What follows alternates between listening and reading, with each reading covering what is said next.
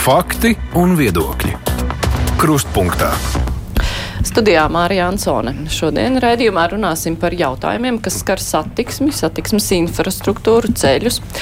Jaunos elektrovilcienus braucieniem pa Latviju gaidām jau 11 gadus, kur nu vēl milzu projekts Real Baltica, bet arī tas aizķeras. Par šiem un citiem jautājumiem mums ir iespēja šodien iztaujāt satiksmes ministru Kasparu Briškenu, kurš ir mūsu studijā. Labdien! Sveicināti! Mani atbalstīs žurnālisti Viktors Demīdovs no Latvijas radio ziņu dienesta Sveiks!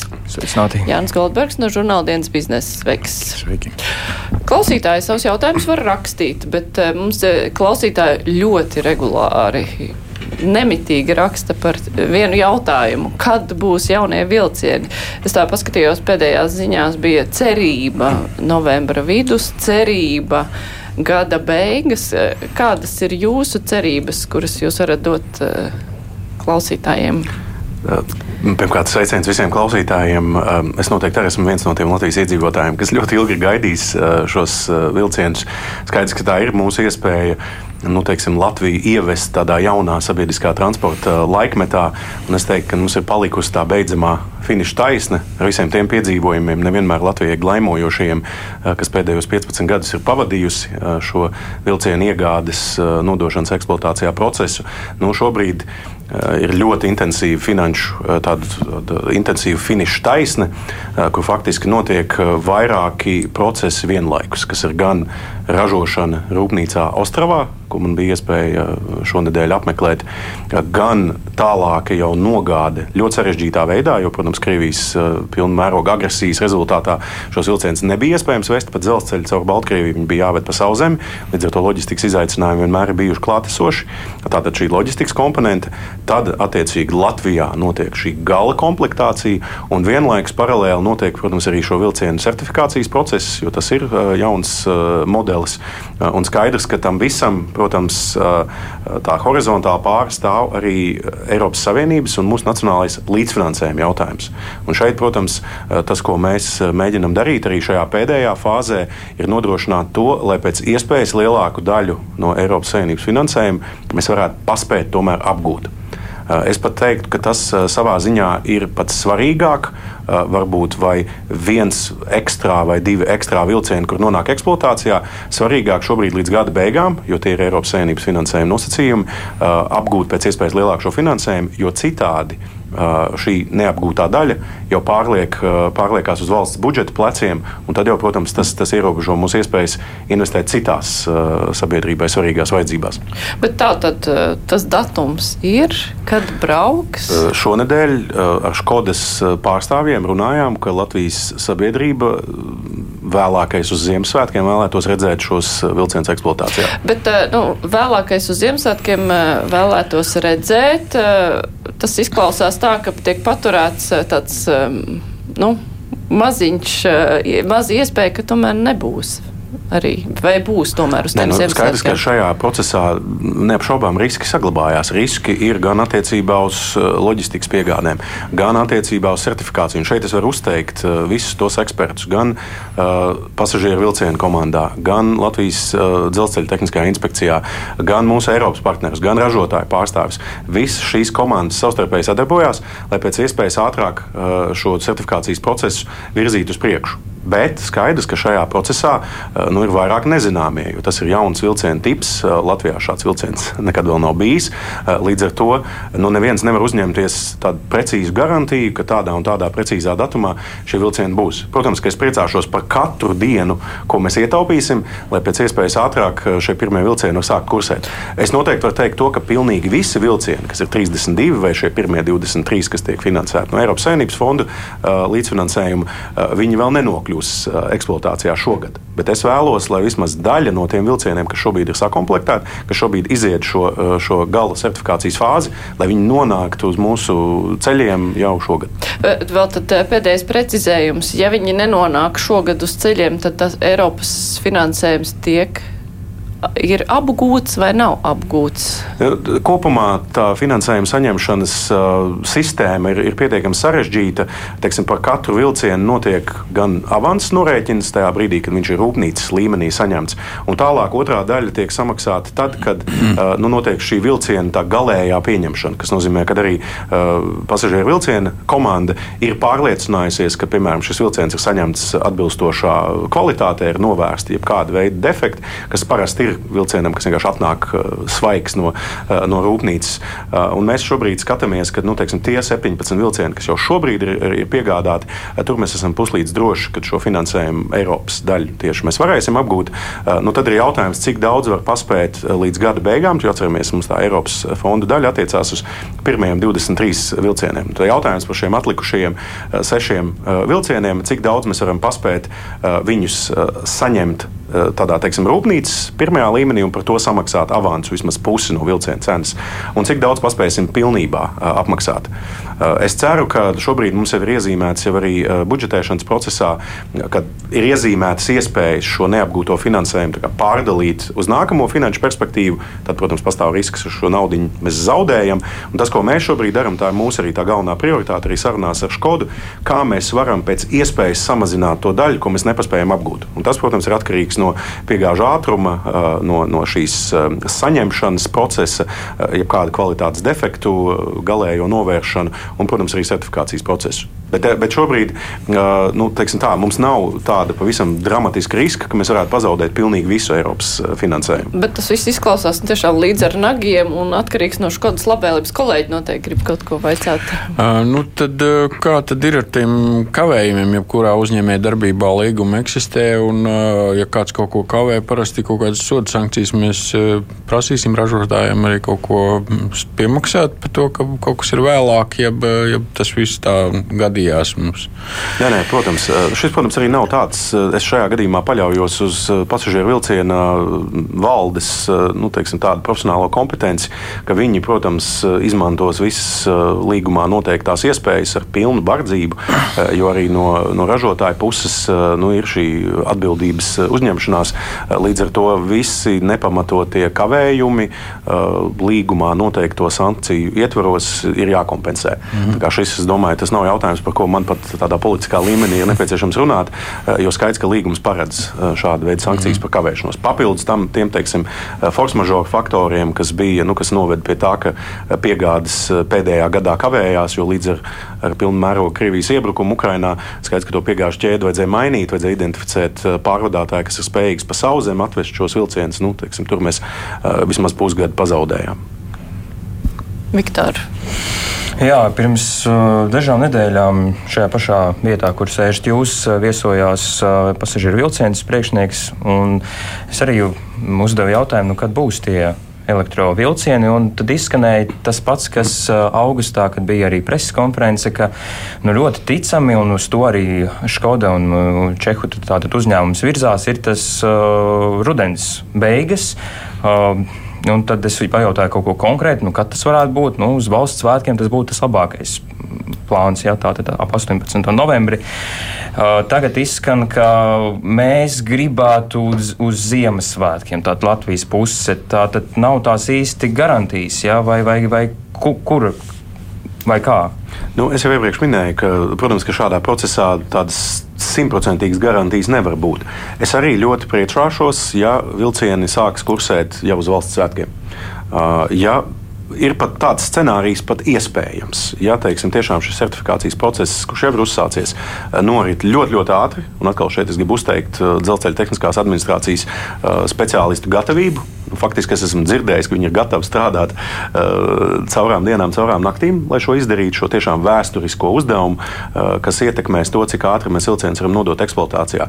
Mēs zinām, ka 17 vilcieni Latvijā jau ir pieejami. Uh, vairums no viņiem jau ir teiksim, komplektācijā, uh, vairums no viņiem ir jau testēti, daļa pat jau ir teiksim, šo testa stadiju noslēgusi. Teorētiski ir iespējams, bet atkal politiski es negribu uh, sabiedrībai solīt uh, kādu datumu, ko mēs nevaram izpildīt. Es domāju, ka šo 15 15 gadu laikā ir bijuši tik daudz neprecīzi solījumi no ministra puses. Nu, es noteikti negribu iet tajās pašās pēdās. Uh, es tomēr gribu nu, teiksim, sabiedrību sagatavot tam, ka šis ir sarežģīts process. Uh, visas puses dara maksimālo, lai pēc iespējas ātrāk šie vilcieni varētu sākt kursēt. Tad es ļoti ceru, ka vēlākais līdz gada beigām mēs šo kopīgo uzdevumu paveiksim. Bet uh, peroni, kas ir arī nepieciešami, lai varētu pilnvērtīgi izmantot šos jaunos vilcienus ar to modernizāciju, taču līdz gada beigām arī vajadzēja pabeigt 44 peronus. Tas jau arī nav izdarīts, un arī tur ir iespēja zaudēt Eiropas naudu. Ļoti, ļoti sāpīgs stāsts, ļoti pamatots jautājums. Arī es, protams, esmu nobežījies par to, ka Latvijas dzelzceļš šajā gadījumā Latvijas dzelzceļam nav sekmējusies šīs naudas nu, pietiekami laicīga apguve. Mēs zinām, ka savulaik varbūt tādā priekšvēlēšana skurbulī tika šis projekts nu, pātrināts. Es atceros, pat, pat manā Kalngāles dzelzceļa stacijā jau pirms vairāk nekā gada tika aptvesti visi šie betona veidņi.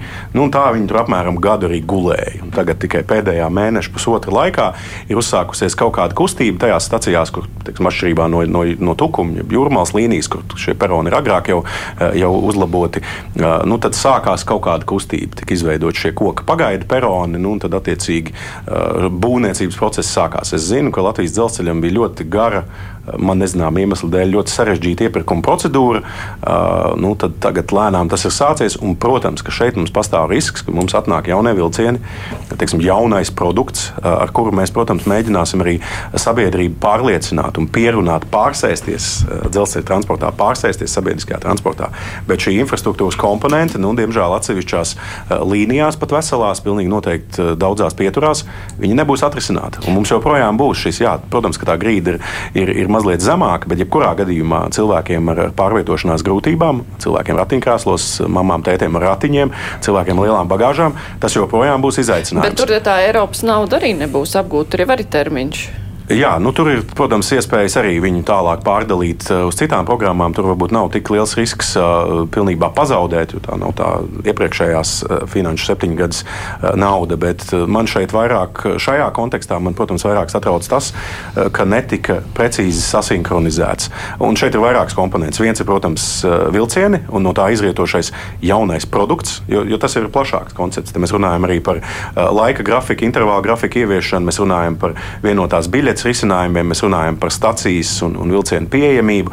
Mēs runājam, un šis ir vēl viens teiksim, tāds, tāds uh, iztrūkstošais elements, arī par plašāka mēroga staciju pieejamību. Ja mēs veidojam šīs stacijas kā, kā punktu, kur satiekās dažādi veidi uh, transporta veidi, gan uh, reģionālajie autopārvadātāji, gan šie uh, park and ride stāvlaukumi, lai cilvēki var piebraukt pie dzelzceļa stacijām, gan uh, mikromobilitātes risinājumi, gan pilsētās, gan, protams, apkaimēs. Nu, diemžēl vismaz tā šobrīd es esmu secinājis, ka šis process līdz šim ir bijis diezgan vāji sinhronizēts. Es, es tikšos nākamnedēļ ar Latvijas pašvaldību savienību. Viens no teiksim, tādiem akcentiem, ko es noteikti likšu no mūsu puses, ir, ka mums ir daudz ciešāk jāsadarbojas visos līmeņos, kas ir, protams, pārvadātāji, šajā gadījumā pasažieru vilciens, infrastruktūras pārvaldītājs Latvijas dzelzceļš, pašvaldības, plānošanas reģioni, autotransporta direkcija, visi tie uzņēmumi, kas ir iesaistīti vienotās biļetes veidošanā, lai mums beidzot veidojās tāda integrēta sabiedrisko pārvadājumu sistēma. Ne, nu, ņemot vērā, ka tie pasažieru vilcieni kavējās, tik ļoti tā sinhronizācija ir vēl trakāka nekā tas būs praksē. Izstāsta, ka peronu kavējās vēl vairāk nekā Jā. vilcieni. Es eh, tā kā ausis jau man deg dzirdēt par Real Baltica, varbūt pāriem pie šīs tēmas. Un... À, Viktors, man ir vēl par stacijām. Jā. Jā. Mēs jau dzirdējām par elektrovilcieniem, nu, tur jau var pasakas rakstīt, jau es nezinu, jo cik, cik ilgi ir tas viss čakarējis, un arī ar tiem peroniem, nu, tas, tā, labi, peroniem vēl tas termiņš ir šī gada beigas, jā. Vilcienus mēs jau, es nezinu, cik jau gadus jau klausāmies. Un jau, ja palasa sociālās platformas, tad iedzīvotāji jau vienkārši jau smejas par šo projektu. Jā. Nu, cik ilgi vispār sabiedrība vēl tiks čakarēta? Kā jūs atbildētu? Nu, cik ilgi tas turpināsies? Man ir noteikts četras galvenās prioritātes. Līdz ar nozares pārvaldību, nozares teiksim, eksporta vērstiem pakalpojumiem un satiksmes drošību, satiksmes piekļūstamību, mana teiksim, viena no četrām lielajām prioritātēm ir šī transporta zaļā pārējai. Līdz ar to viss, viss komplekss gan attiecībā uz jauno vilcienu ieviešanu, gan attiecībā uz nu, teiksim, sabiedrības, sabiedriskā transporta sistēmas pārveidi, lai dzelzceļu patiešām nostiprinātu kā mugurkaulu. Kad es pirms nu, jau vairāk kā desmit gadiem sāku strādāt kā satiksmes ministrs padomnieks, jau tad bija šī ideja, ka dzelzceļš ir jānostiprina. Jo, protams, arī vilcienu pirkšana jau, jau tajā laikā bija jau sākusies ar visiem tiem skandāliem, kas, kas to pavadīja. Tajā laikā mēs saskārāmies, protams, ar šiem 2000. gadu beigās noslēgtajiem ilgtermiņa autopārvadājumu līgumiem, kas nu, faktiski ministrijai sasēja rokas nostiprināt dzelzceļu par to šīs sistēmas mugurkaulu. Tad šīs 12-gadīgās lotes beidzās, daudz no viņām beidzās pagājušajā gadā vai, vai 2001. gadā. Un, un kopumā nu, es personīgi biju šokēts, ka tā vietā, lai sagaidītu jaunos vilcienus un tiešām pārceltu šo sabiedriskā transporta uh, mugurkaulu uz dzelzceļu, tika atkal noslēgtas 12-gadīgās lotes. Tā skaitā ar visiem konkurences padomus eh, atzinumiem par, par eh, karteļu vienošanās eh, klātesamību. Nu, protams, ka šobrīd viens no uzdevumiem, ar ko mēs nodarbojamies kopā ar autotransporta direkciju, ir, nu, ko mums darīt tagad ar šiem līgumiem, kur, protams, ir reisu neizpildes, kas vēl vairāk teiksim, diskreditē visu mūsu sabiedrisko pārvadājumu sistēmu, un kur, protams, ka vilcieni nu, atkal nav iemodelēti kā šis centrālais elements. Es teiktu, ka viens ļoti nozīmīgs izaicinājums mums, mums visiem nu, šeit es skatos arī uz savu pieredzi Rail Baltica projektā, kur mēs izstrādājām ļoti detalizētu uh, pasažieru pieprasījumu modeli. Latvijas nacionālā līmenī mums šāda modeļa nav.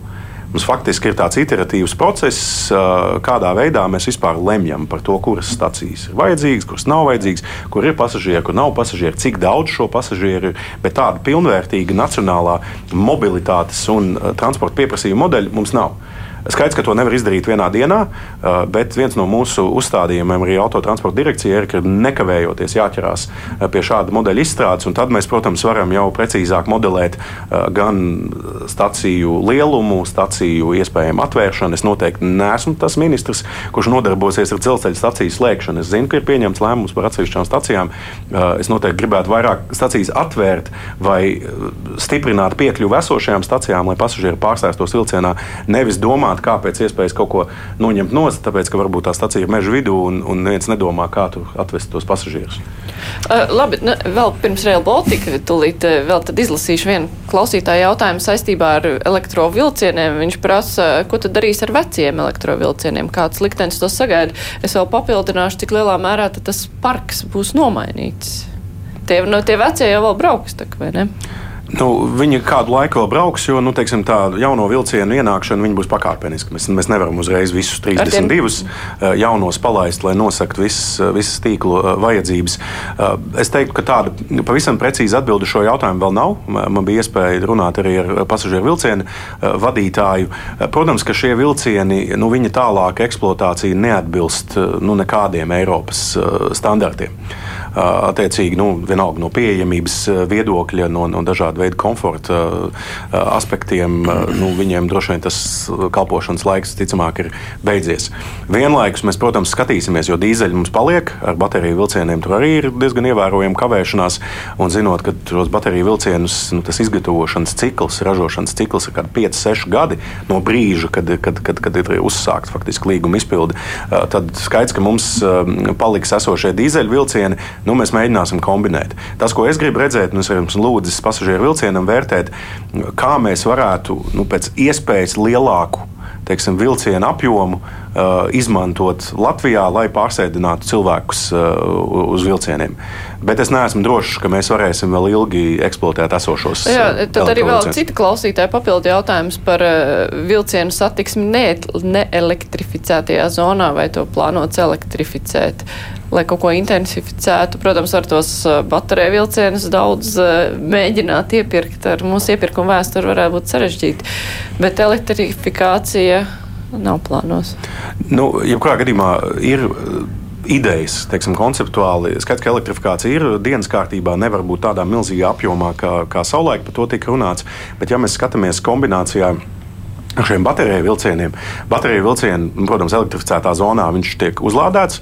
Ja mēs teiksim, ar šo elektrobateriju vilcienu braucam tālāk, tad teorētiski mēs varam pagarināt viņa to kustības attālumu, ja mēs pa vidu uzliekam tādas nu, elektrificētas salas. Nu, vienalga, vai teiksim, aizkrauklē, kur beidzās elektrificētā zona, tad teiksim, krust, krustpilī ir kāda elektrificēta sala, līdz kuram aizbraucot, šis bateriju vilciens var uzlādēties, un tad jau tālāk aizbraucot vai nu uz Daugopilu vai uz Rēzekni, tad jau galā ir šī uzlādes uh, iespēja, nu, ka vilciens attiecīgi atrodas gala stācijā, viņš uzlādējās un tad brauc atpakaļ. Par šādām lietām mēs, mēs domājam. Mēs, protams, domājam arī par Siguldas līniju. Aktuāls joprojām jautājums ir arī par Bolderājas līniju. Protams, ka visur, kur tas ir ekonomiski uh, jēgpilni un kur mums ir iespējas piesaistīt arī Eiropas Savienības finansējumu, elektrifikācija noteikti ir apsverama. Bet neapšaubām, teiksim, mēs skatāmies īstermiņā, kamēr mums nav šie bateriju vilcieni, protams, ka esošie uh, dīzeļu dīzeļu vilcieni, kamēr viņi darbosies. Atsevišķi no šiem vilcieniem tagad ir bijuši pārbūvē ar jauniem dzinējiem. Nu, teorētiski mēs viņus vēl varam eksploatēt.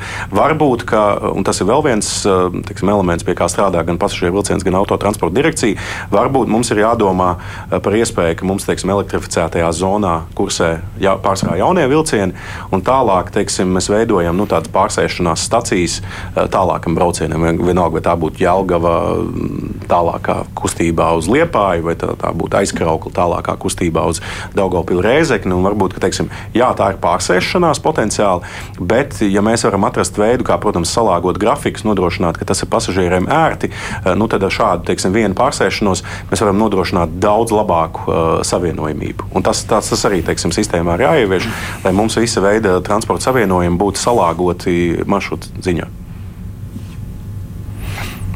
nu, man kā liepainiekam grūti to visu klausīties. Nu, protams, tas vilciens ir mazliet smaržīgs, un tā, un, bet es gribētu, lai pēc iespējas ātrāk viņi nomaina kaut ko jaunu.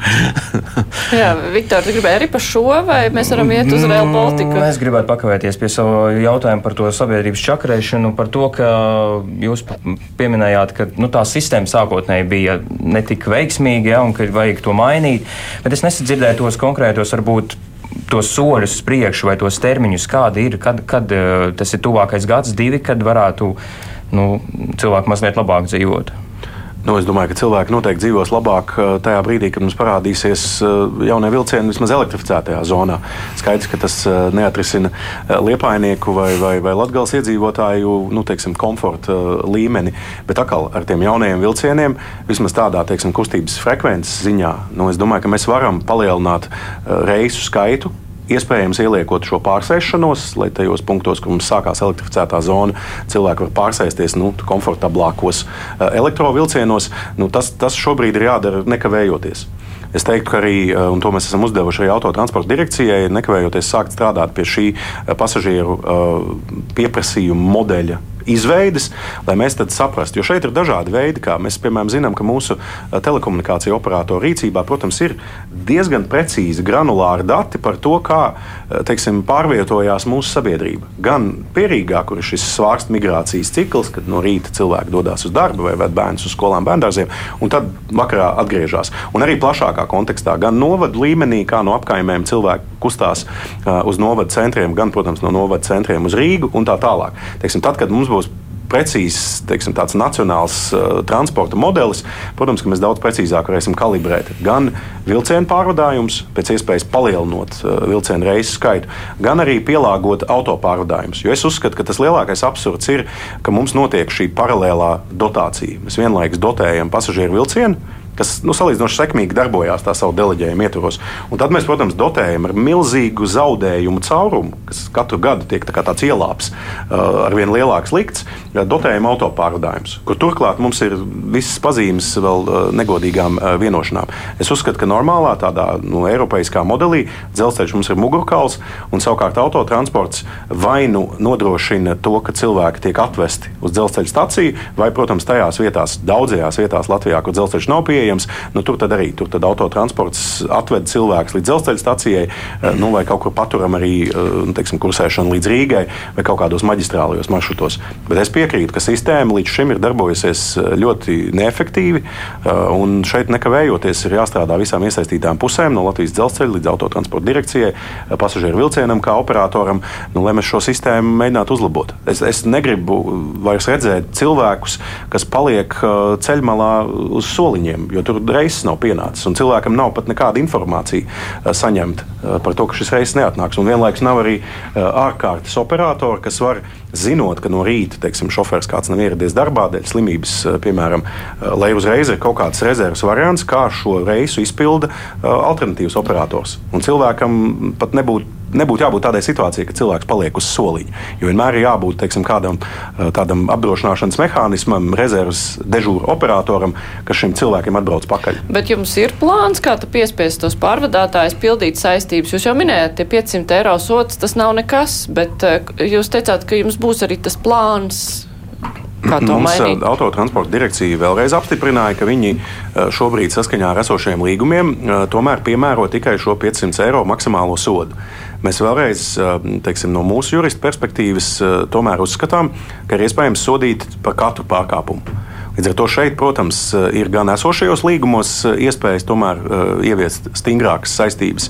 Otrs risinājums ir tas, ko es tikko minēju. Šis ārkārtas dežūra operators šeit noteikti būtu jāstrādā ciešā sazobē ar pašvaldībām, jo skaidrs, ka viens operators Nu, nav tāda viena operatora, kas ir spējīgs nosegt visu Latvijas geogrāfiju. Nezinu, 400 km attālumā no, no Daugopils līdz, līdz, līdz Liepājai vai Ventspilī. Bet ir jābūt kaut kādam mehānismam, eh, kas, kas nodrošina rezerves šo ārkārtas reisu izpildi. Tad, ja ir zināms, ka, ka līnijas reises eh, tiek, tiek atceltas, nu, to parasti iepriekšējā dienā vai vēlākais eh, agri no rīta var, var zināt.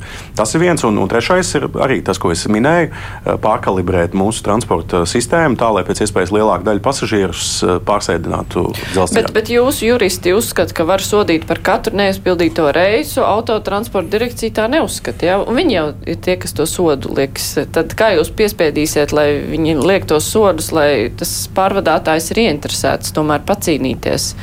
Nu, mēs, protams, neiejauksimies uh, kapitāla sabiedrību tādā komerces uh, darbībā, bet nu, katrā ziņā nu, ļaujiet man diplomātiski formulēt, stingra rekomendācija no ministrijas puses ir, uh, ka ir jāatrod veidi, kā uh, nekādā gadījumā nepieļaut reisu atcelšanu.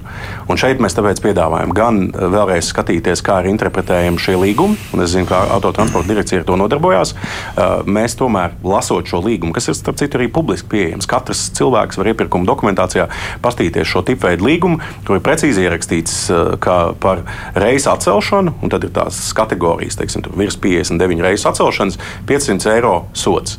Nekur nav teikts, ka tas ir par visiem atceltajiem reisiem. Mūsuprāt, un mūsu juristi uzskata, ka šeit var interpretēt, ka par katru atcelto reisu, piemēram, virs šim 50, ir jāpiemēro 500 eiro par nu, reisu. Jā, nu redzēsim, vai direkcija ieklausīsies. Jā.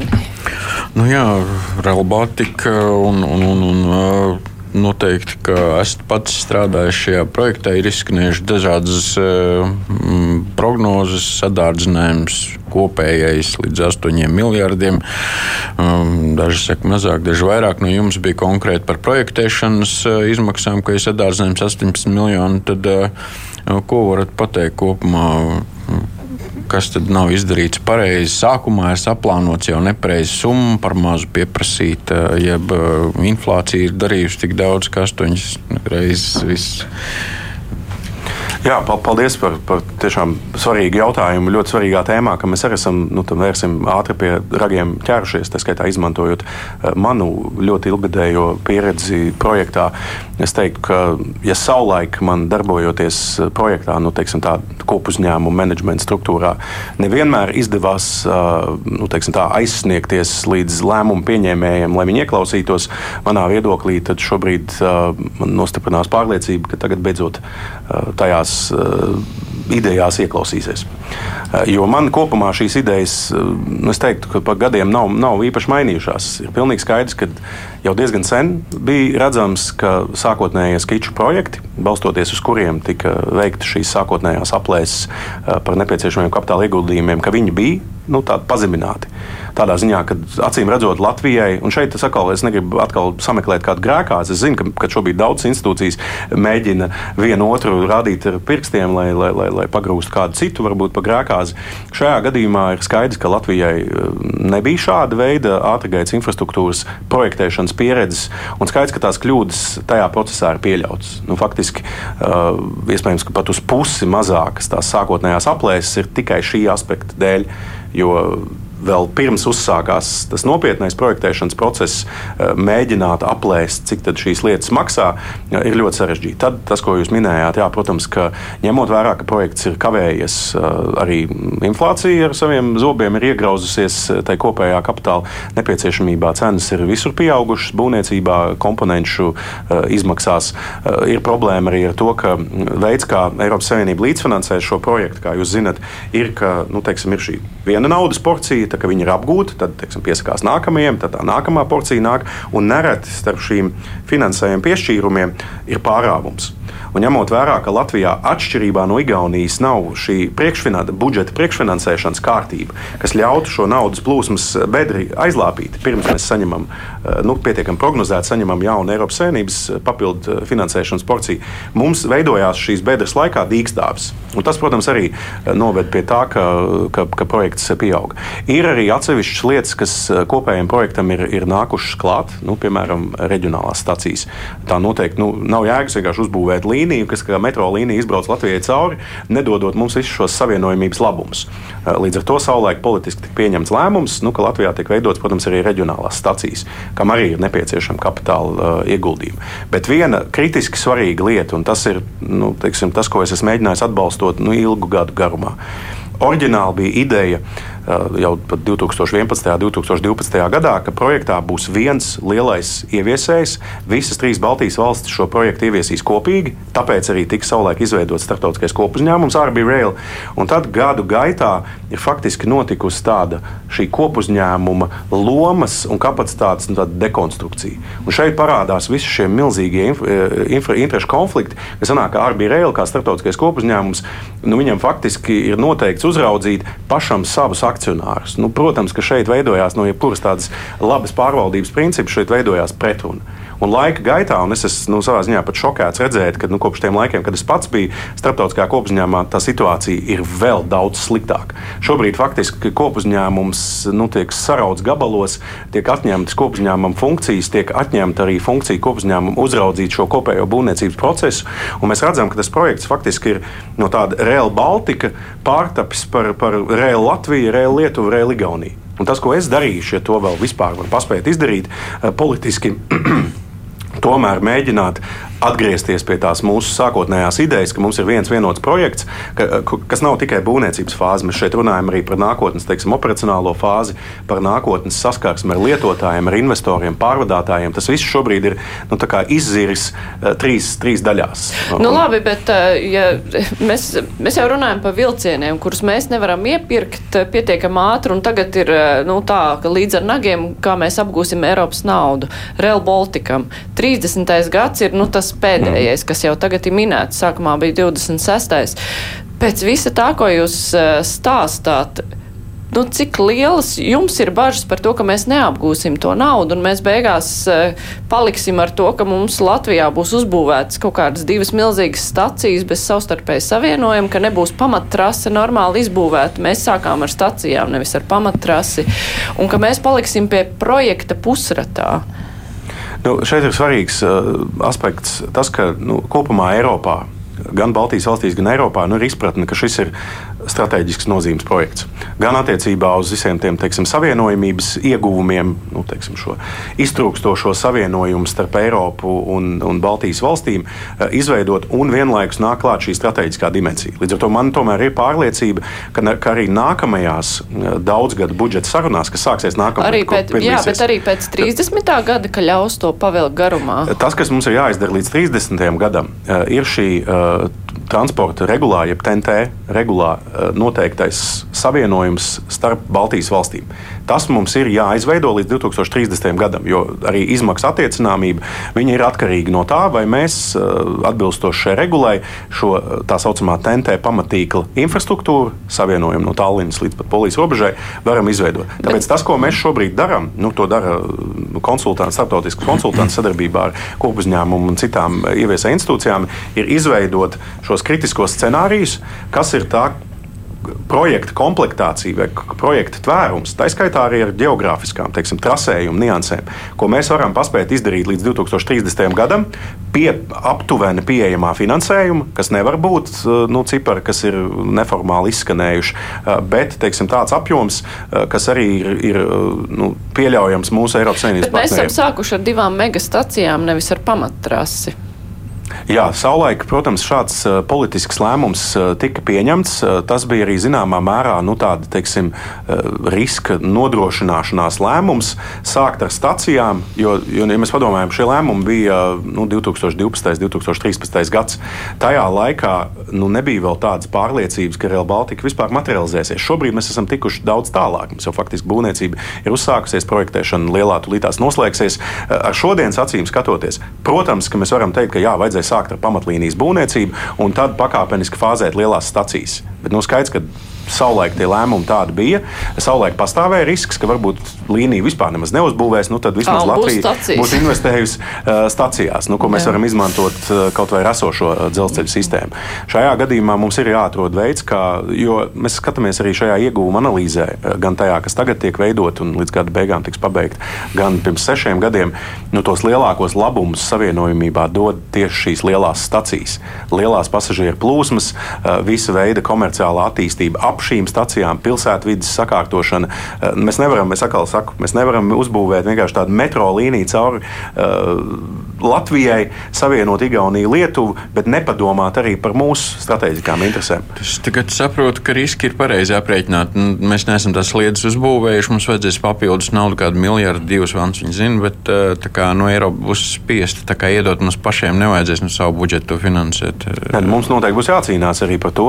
Es domāju, sarunās es pats gatavs šādās sarunās iesaistīties. Vispirms, protams, koordinējot pozīcijas ar saviem Baltijas kolēģiem, bet noteikti eh, tas, ko es minēju, nākamajā septiņgadus budžeta lielajās sarunās, kurās, protams, arī ministrs prezidents iesaistīsies, Latvijai noteikti būs jācīnās par to, lai Real Baltikai nu jau šajā tā saucamajā Eiropas Savienošanas instrumenta trešajā paudzē nu, būtu pietiekami liels finansējums pieejams, lai mēs varētu šo projektu pabeigt. Tajā nu, teiksim, apjomā, kas līdz 2030. gadam eh, mums būtu jārealizē. Mēs paši eh, ar saviem budžeta līdzekļiem šādu apjomu projektu atļauties nevaram.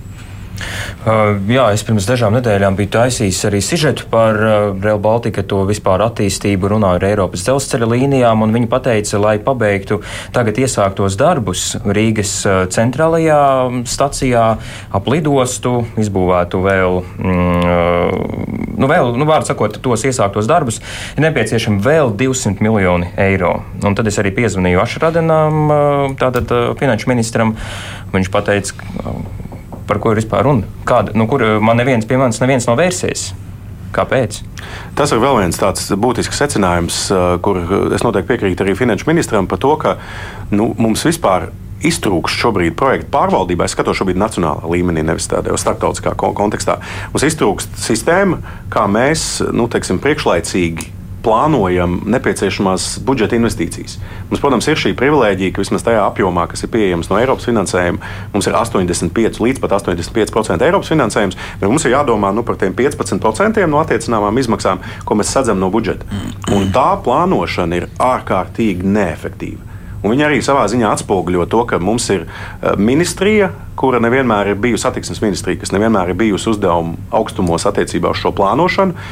Lai gan vienlaikus eh, ministrija nereti ir ļoti iejaukusies tādā nu, tiešām profesionāļu operacionālajā darbībā un tādējādi pat traucējusi tos procesus virzīt uz priekšu. Tad mums, protams, ir Eiropas dzelzceļa līnijas, kas vienlaikus ir nacionālais ieviesējs, vienlaikus kopuzņēmuma akcionārs, eh, un tad, protams, mums ir pats kopuzņēmums. Un visi šie pavāri šajā ārkārtīgi haotiskajā virtuvē, eh, nu, acīm redzot, nav spējīgi salikt kaut kādu normālu ieviešanas grafiku, kuram ir arī pielāgota arī visas šīs finansējuma plūsmas, naudas plūsmas, lai mēs varētu iedot arī finanšu ministrijai, nu, tomēr kaut kādu, nu, viņi nekad nebūs precīzi, jo šis projekts ir šausmīgi sarežģīts, bet iedot vismaz kaut kādu prognozējumu naudas plūsmu.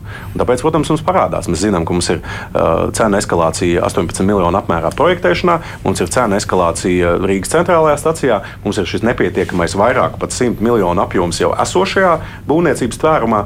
Protams, ka tās ir sliktas pārvaldības, sliktas plānošanas pazīmes.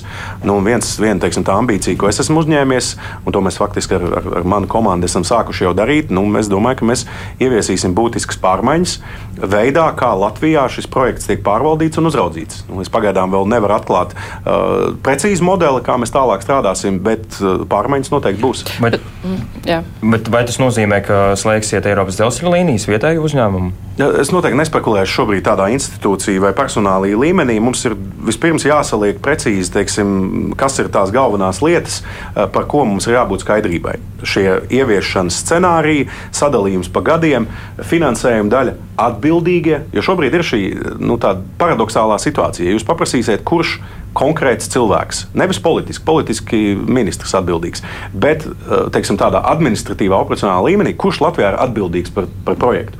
Jūs neatradīsiet šādu atbildi. Un tas ir tas, ko, ko protams, es esmu saskāries arī eh, mūsu līdzinājās sanāksmēs, arī sanāksmē, kas, kas mums bija ar ministru prezidentu un finanšu ministru. Mēs redzam, ka institūcijas, protams, rāda ar pirkstu vienu uz otru. Katrs mēģina piesakt varbūt kaut kādas savas neizdarības, bet viens konkrēts atbildīgais un teiksim, tāda komanda eh, šobrīd nav izveidojusies. Un vēl viena lieta, kas, kas ir svarīga, ko iepriekš eh, premjerministrs Kariņš uzsāka, bet nu, tas, pro, tas process nu, neiegāja atbilstošā līmenī, ir šī ministru kabineta komiteja, kuru uh, vada vai nu ministrs prezidents vai nu satiksmes ministrs, kur tiek iesaistīti arī citi ministri. Jo šis projekts ir pārāk liels, lai viņu uzraudzītu, realizētu tikai viena ministrija. Šeit ir jāiesaistās vidus reģionālās attīstības ministrijai, ekonomikas ministrijai, tieslietu ministrijai, finanšu, ārlietu. Teiksim, šis ir megaprojekts. Un tādā veidā mēs varam šo pārvaldības ietvaru būtiski uzlabot. Bet klausītājs grib dzirdēt kaut kā tā precīzāk, kad tad būs gatava tā jaunā Rīgas stacija baigi jau būvējas. Atkal daudz kas ir atkarīgs no finansējuma pieejamības. Es arī katru dienu pa logu redzu šīs stacijas attīstību. Cik tālu ir precīzi. finansējums pieejams? Ko var izdarīt ar to, kas ir? Visu noteikti nevar izdarīt. Plus arī pat esošās, teiksim, tvērumu ietvaros tur ir šī izmaksu eskalācija, jo būvniecības izmaksas skaidrs, ka ir pieaugušas. Nu, es domāju, ka tuvākajos gados stacijai būtu jābūt gatavai. Un tad, protams, tas gadi ir divi tuvākie, trīs vai pieci. Es no galvas jums šobrīd precīzi nepateikšu. Noteikti paprasīšu Eiropas dzelzceļa līnijām, un atkal, tā būs daļa no šīs kopējās projekta plāna, lai mēs precīzi zinām, kas, kad, kurā brīdī ir gatavs, kurā brīdī ir nepieciešams papildu finansējums eh, no, no valsts budžeta. Eh, šobrīd, eh, par cik mēs strādājam pie šiem ieviešanas scenārijiem, nu, vismaz vairākos objektos man nav pilnas pārliecības, kad precīzi šis objekts būs gatavs bet noteikti strādāsim pie tā. Es teiktu, ka arī uh, mani pārsteidz tas, ka tas, ir viena no lietām, ko es, ko es savulaik arī kopā ar uh, Real Baltica kopuzņēmumu kolēģiem, ar ko mēs jau 2019. gadā cēlām šo trauksmi, rakstījām vēstules. Tā skaitā satiksmes ministram, kurš tajā laikā uzskatīja, ka nekā kritiska projekta pārvaldībā nav. Šeit, protams, mēs gribam, uh, lai būtu vairāk caurskatāmība šajā projektā. Ja es paskatos uz citiem projektiem, piemēram, Lielbritānijā šis ātrgaitas projekts, kas arī ir no zinām problemātika, tur mēs redzam, kad pat uzņē, ieviešanas uzņēmumu padomis protokoli ir pieejami sabiedrībai. Nemaz nerunājot par visu veidu teiksim, lēmumu pamatošanu, eh, projektu ieviešanas grafiku, finanšu plūsmām, es noteikti esmu par lielāku caurskatāmību. Nu, cik man ir zināms, to centrālo staciju pabeigs 27. gadā, lai gan uz žoga rakstīts 26. vai pat 25. Nu, Pārsakot, eh, par gadu diviem vēlāk nekā rakstīts uz eh, žoga. Bet, nu, labi, tas tā starp citu no Eiropas dzelzceļa līnijām, eh, kas man ir zināms. Bet jautājums ir par to, nu, mēs iedomājamies, sliedes būs, vilcieni brauks, kas apkalpos vispār to infrastruktūru. Tā būs atsevišķa iestāde, tā būs Latvijas dzelzceļa pārziņā Kā vispār? Nu, man tādi jautājumi, kāds, kāds radio klausītājs uzdeva, lai es painteresējos, bet nu, tas, domāju, arī ir aktuāls jautājums. kritiski svarīgs jautājums, viennozīmīgi. Un man pašam ir bijusi iespēja arī nu, būt vienam no tiem Real Baltica speciālistiem, kas bija iesaistīti tā saucamajā infrastruktūras pārvaldības izpētē, ko veica ļoti nozarē zināms Anglijas konsultants 2017. un 2018. gadā, kur bija šī nu, faktiski viennozīmīgā rekomendācija, ka nākotnes infrastruktūra ir jāpārvalda vienotam Baltijas infrastruktūras pārvaldītājam. Lai mums gan iepratīm nākotnes lietotājiem veidotos teiksim, tāda viena saskarsme. Tie nākotnes lietotāji pasažieru vai kravu pārvadātāji vai investori vai teiksim, lidostas, ostas, visur, kur mums ir šī savienojumība, lai tur tomēr būtu viens, nu, viens pieturas aģentūra. Nevis mēs sadrumstalojam to trīs dažādās dzelzceļa salās, un tad katra valsts uzliek teiksim, savas nacionālās intereses, un tad veidojās tāda sistēma, kā līdz šim mums esošajā dzelzceļa sistēmā, kur faktiski ir trīs atsevišķas salas, kas tehniski ir vāji savietojams, kur uh, mašīnists nešķērso robežu, nu, vai tikai līdz robežas stacijai. Mēs gribējām, lai Real Baltica ir vienota integrēta sistēma gan no tādas tehniskās savietojamības viedokļa, gan no operacionālās teiksim, uzturēšanas viedokļa, gan no komercializācijas viedokļa. Diemžēl, un šis atkal ir tas stāsts par ļoti sadrumstaloto pārvaldību un par nacionālajām interesēm, kas prevalē pāri kopējām interesēm, eh, diemžēl Baltijas valstis šajos gados pretēji tam, par ko vienmēr ir runājuši arī piemēram komerc, eh, kopuzņēmumu darbinieki, tā skaitā es personīgi, eh, ir eh, veidojuši modeli, kad notiek nu, tāda nacionāla infrastruktūras pārvaldība.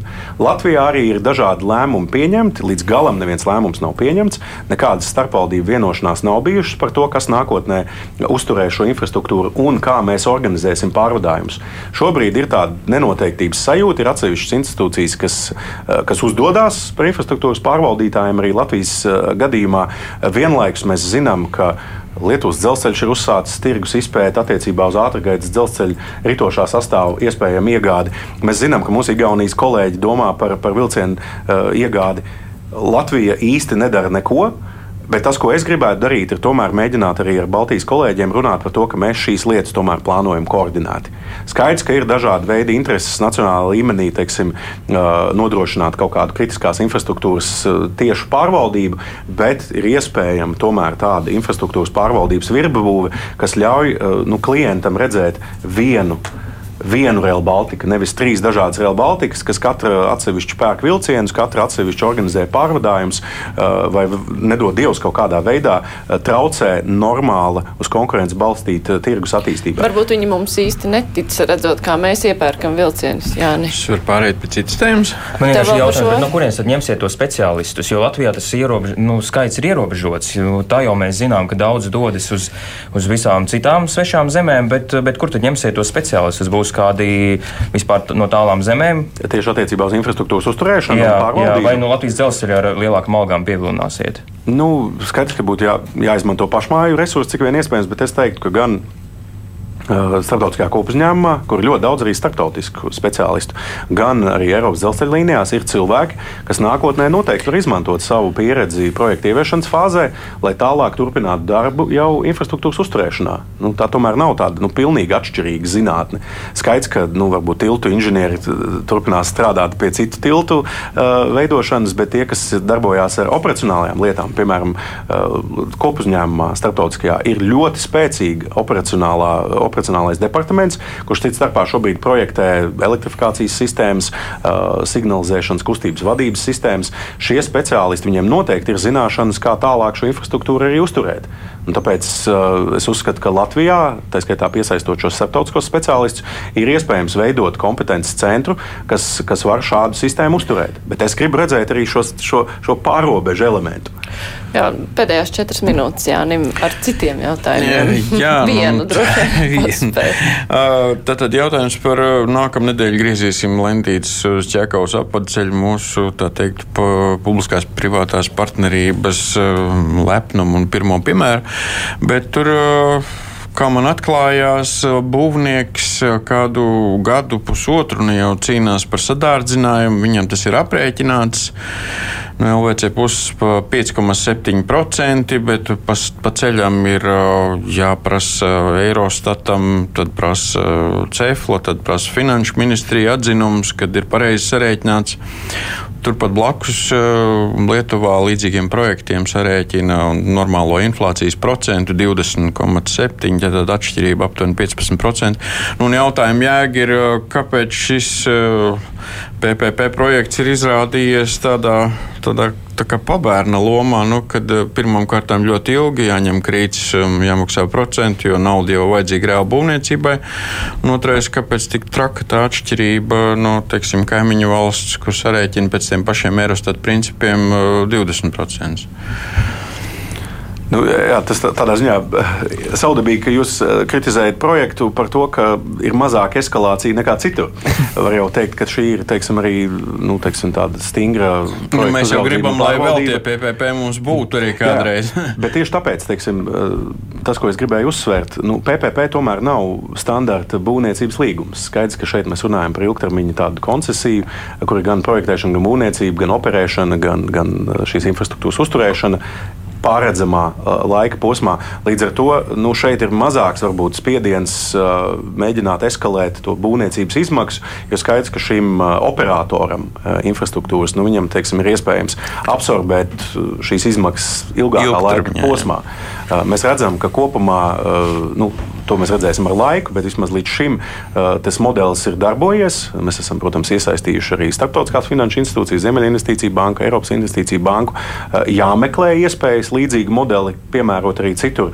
Nu, līdz šim es neesmu dzirdējis signālu, ka, ka teiksim, nu, tas, ka mūsu teiksim, puse, līguma slēdzēja puse nepieļauj augstāku eskalāciju, ka tas kaut kādā veidā mazinātu mūsu iespējas citur šo modeli eh, piemērot. Nu, manuprāt, līdz šim es pat manā redzeslokā nav nonācis šis jautājums. Es to pastāvu personīgi atklāju, jo tas ir vienīgais jā, ne, ne, variants, kad, eh, kad eh, nav šī sadārdzinājuma atmaksas bijis un, un, un teiksim, austrumu maģistrāli vai tur vēl kaut kas viss jau ir paspējuši saņemt un, un, un arī vietējie uzņēmumi šis tāds izņēmums starp visiem, es saprotu, PPP līgums un tad, eh, teiksim, viņiem būtu ilgtermiņā iespēja šīs izmaksas tos gadu maksājumos kaut kad iekļaut.